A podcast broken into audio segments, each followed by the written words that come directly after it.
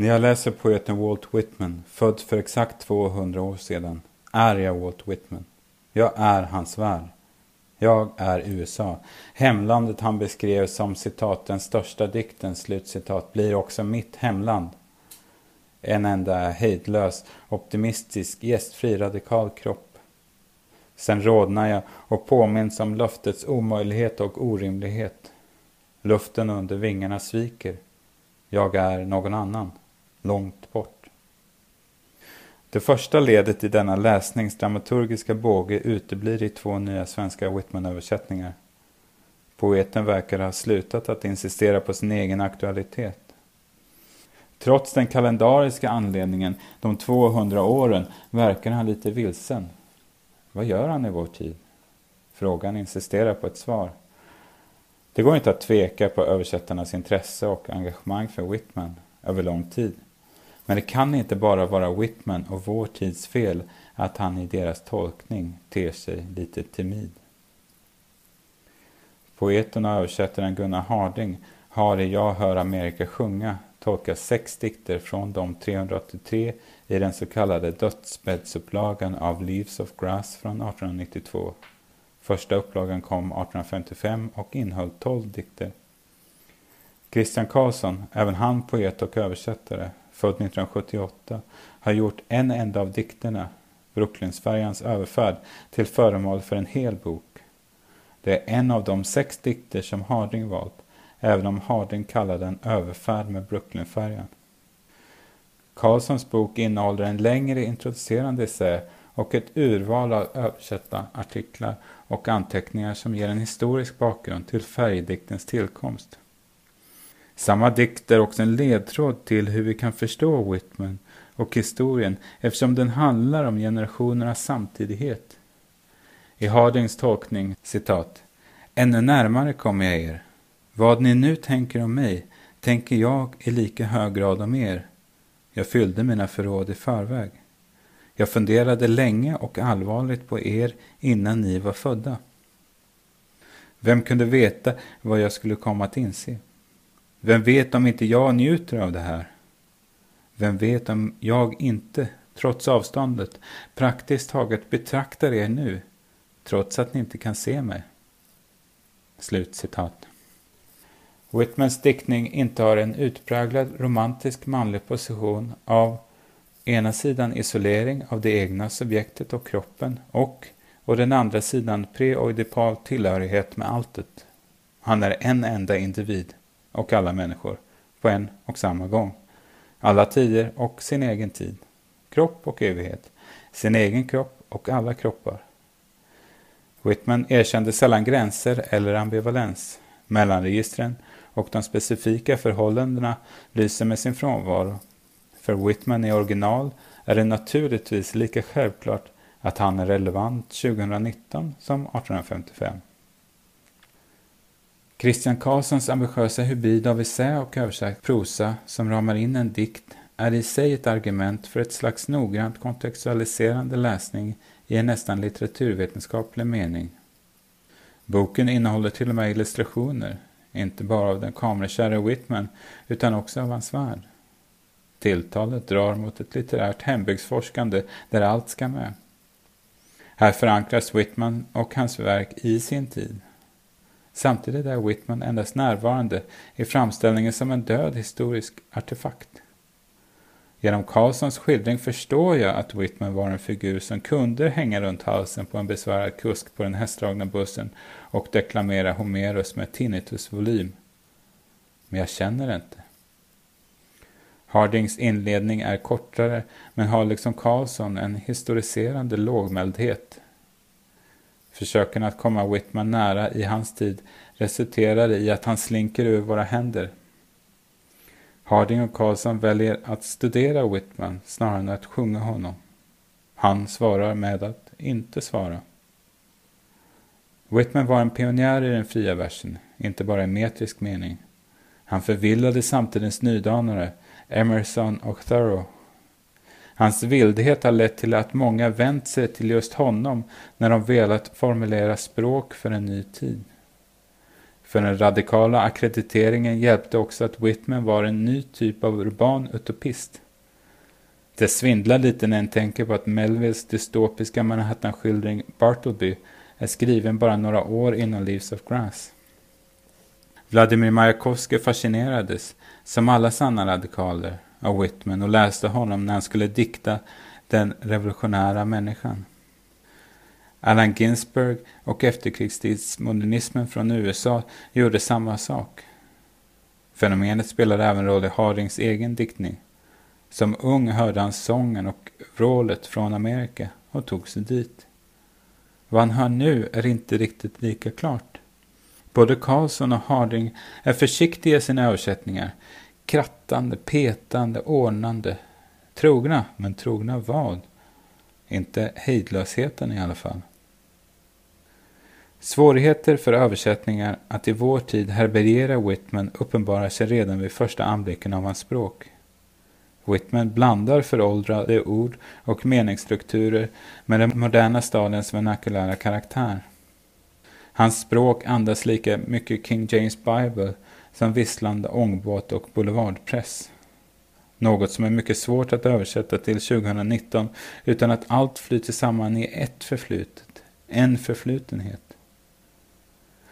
Hardings översättning fungerar bättre än Carlsons då den i högre utsträckning lutar sig mot en mer nutida talspråklighet. Karlsson väljer ofta arkaiska alternativ, citat sedvanlig skrud, slutcitat, snarare än citat vardagskläder, slutcitat. När något citat spelar ingen roll, slutcitat, eller inträffar citat många gånger, slutcitat, hos Harding är ett citat till ingen gagn, slutcitat, hos Karlsson och sker citat mången gång, slutcitat.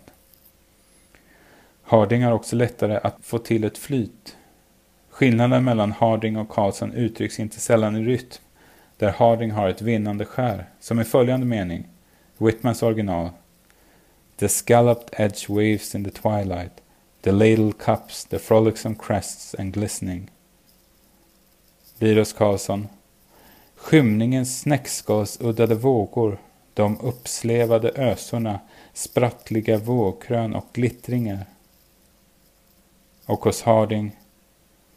De snäckskalsvassa vågorna i skymningen, de överflödande skoporna, de sprudlande våghammarna och glittret.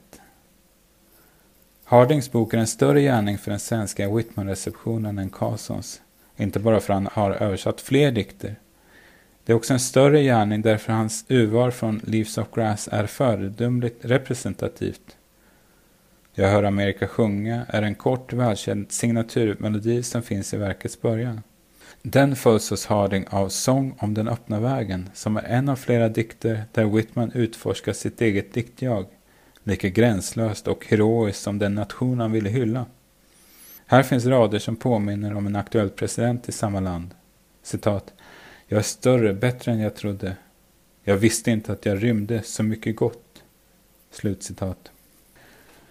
Harding fångar visserligen in något av det storsvulstiga i dikten, men hans översättning drar ibland åt märkliga håll. Han översätter barndomsdagar beskrivna som citat latent unrealized slutcitat i originalet som citat dolda omedvetna slutcitat. Det hade kunnat passera som ett omedvetet från Schelling och Coleridge snarare än från psykoanalysen om det inte var för att citat diverse faces slutcitat i raden ovan fått bli det platta och psykologiklingande citat utvecklingsfaser, slutcitat. Problemet är egentligen inte anakronismen, att den psykoanalys som språkbruket för tankarna till inte existerade på Whitmans tid, utan att Whitman med största säkerhet hade varit immun mot psykoanalysen. Efter Sång om den öppna vägen kommer färgedikten, precis som i originalet. Nästa dikt är kanske något av ett frågetecken. En sång om den snurrande jorden består till stor del av lika tråkiga som daterade metafysiska funderingar. Riktigt fin är dock den protosurrealistiska och filmiska De sovande och den första delen av den molldrypande När syrenen på gårdsplanen sist stod i blom från elegin över den skjutne president Lincoln Memories of President Lincoln som avslutar urvalet. Dock är det lite svårt att förstå varför Harding bytt ordning på de sovande och när sirenen. Det har en avgjord påverkan på hela samlingens ton. En möjlig eterisk efterklang byts ut mot en sörjande. Gunnar Harding har länge varit upptagen av Whitman. För bara tre år sedan utkom hans översättningar av Utvalda dagar, prosastycken i dagboksformat. Och Hardings urval är tveklöst representativt. Troget, smart och försiktigt på samma sätt som han också på sistone närmat sig John Donne och Horatius.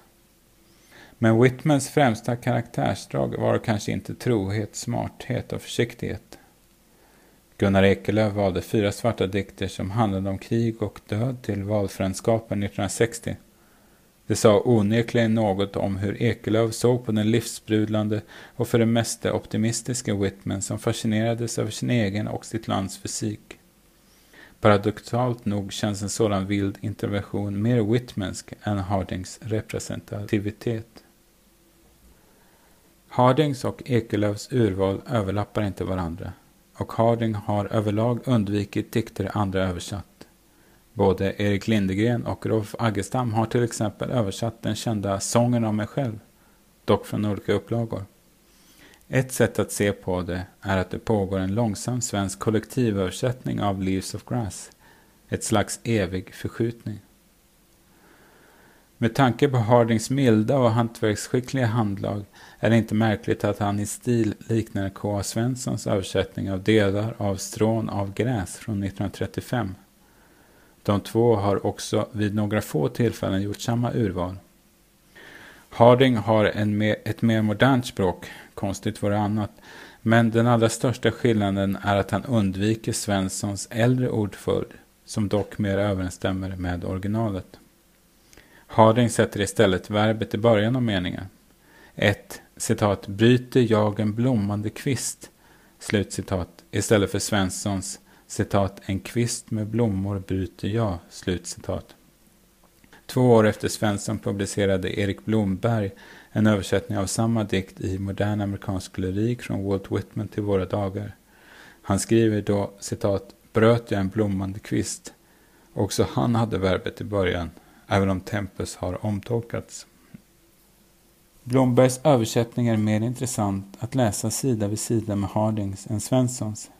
I likhet med Ekelöf förvandlar Blomberg Whitman till något eget, ger honom ett mellankrigsmodernistiskt yttre.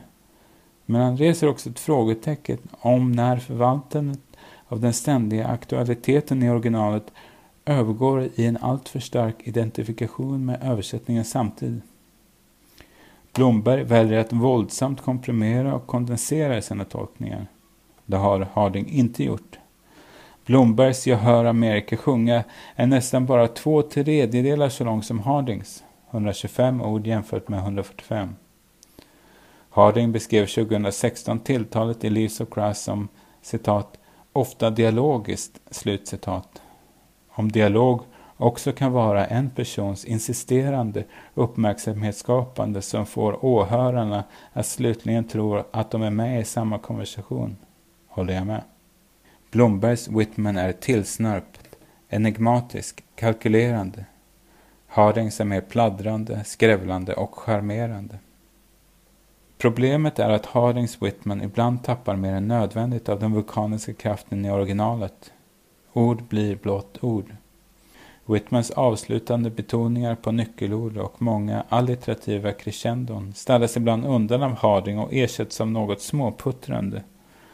Det blir lite som när Harding översatte John Keats citat More happy love, more happy happy love med citat Så lycklig, lycklig denna kärlek är i en katedral av färgad glas från 1997. Mer klurig jazztrio än övertänt storband ibland alldeles för klurigt. Ett av Whitmans favoritord, delicious, blir hos Harding antingen det underbara, fulländade eller vackra. Ordet, i Whitman insisterande och återkommande, tappar konnotationerna av romantiskt förförande som det har i originalet. Fulländade återkommer även för att översätta perfect, men här passar det bättre. Det mesta hos Nestor Harding är dock som vi kan förvänta oss. precis och bortom frågetecken. Kanske främst de mer elegeiska partierna som Harding liksom Ekelöf verkar dras till nästan omedvetet. Måhända kan Whitman just i dessa partier dämpa sig något, omfamna ambivalens och skillnad utan att allt måste sjungas till en övermäktig omedelbarhet. Whitman blir lite lagom i allt dystra, vilket passar Hardings lika lunkande som precisa stil, utan att Harding lockas att överdriva denna sida hos Whitman, vilket Blomberg gjorde. Det vore inte främmande för vår tid att tänka Whitman som en gränslös barnman, men inte heller som en modell för hur självkärleken kan samexistera med en total inlevelse i hela mänskligheten. Istället blir han hos Harding mest levande när han förstår existensens begränsningar. Att de levande lider, men att de döda inte lider mer. Ta bara denna fantastiska strof från Lincoln-dikten. Först i original och sedan i den svenska tolkningen där Hardings finkänslighet hamnar helt rätt. I saw the battle corpses, myriads of them, and the white skeletons of young men, I saw them. I saw the debris and debris of all the slain soldiers of the war. But I saw they were not as was thought. They themselves were fully at rest, they suffered not. The living remained and suffered. The mother suffered, and the wife and the child and the musing comrade suffered, and the armies that remained suffered. Jag såg slagfältens lik, myriader av dem, och de unga männens vitnande skelett, jag såg dem. Jag såg avfallet, krigets avfall, alla dräpta soldater. Men jag såg också att de inte var vad man trodde. De hade bara gått till vila, de led inte längre. De levande var kvar och de led. Modern led och hustrun och barnet och kamraterna försänkta i tankar led och arméerna som var kvar, de led.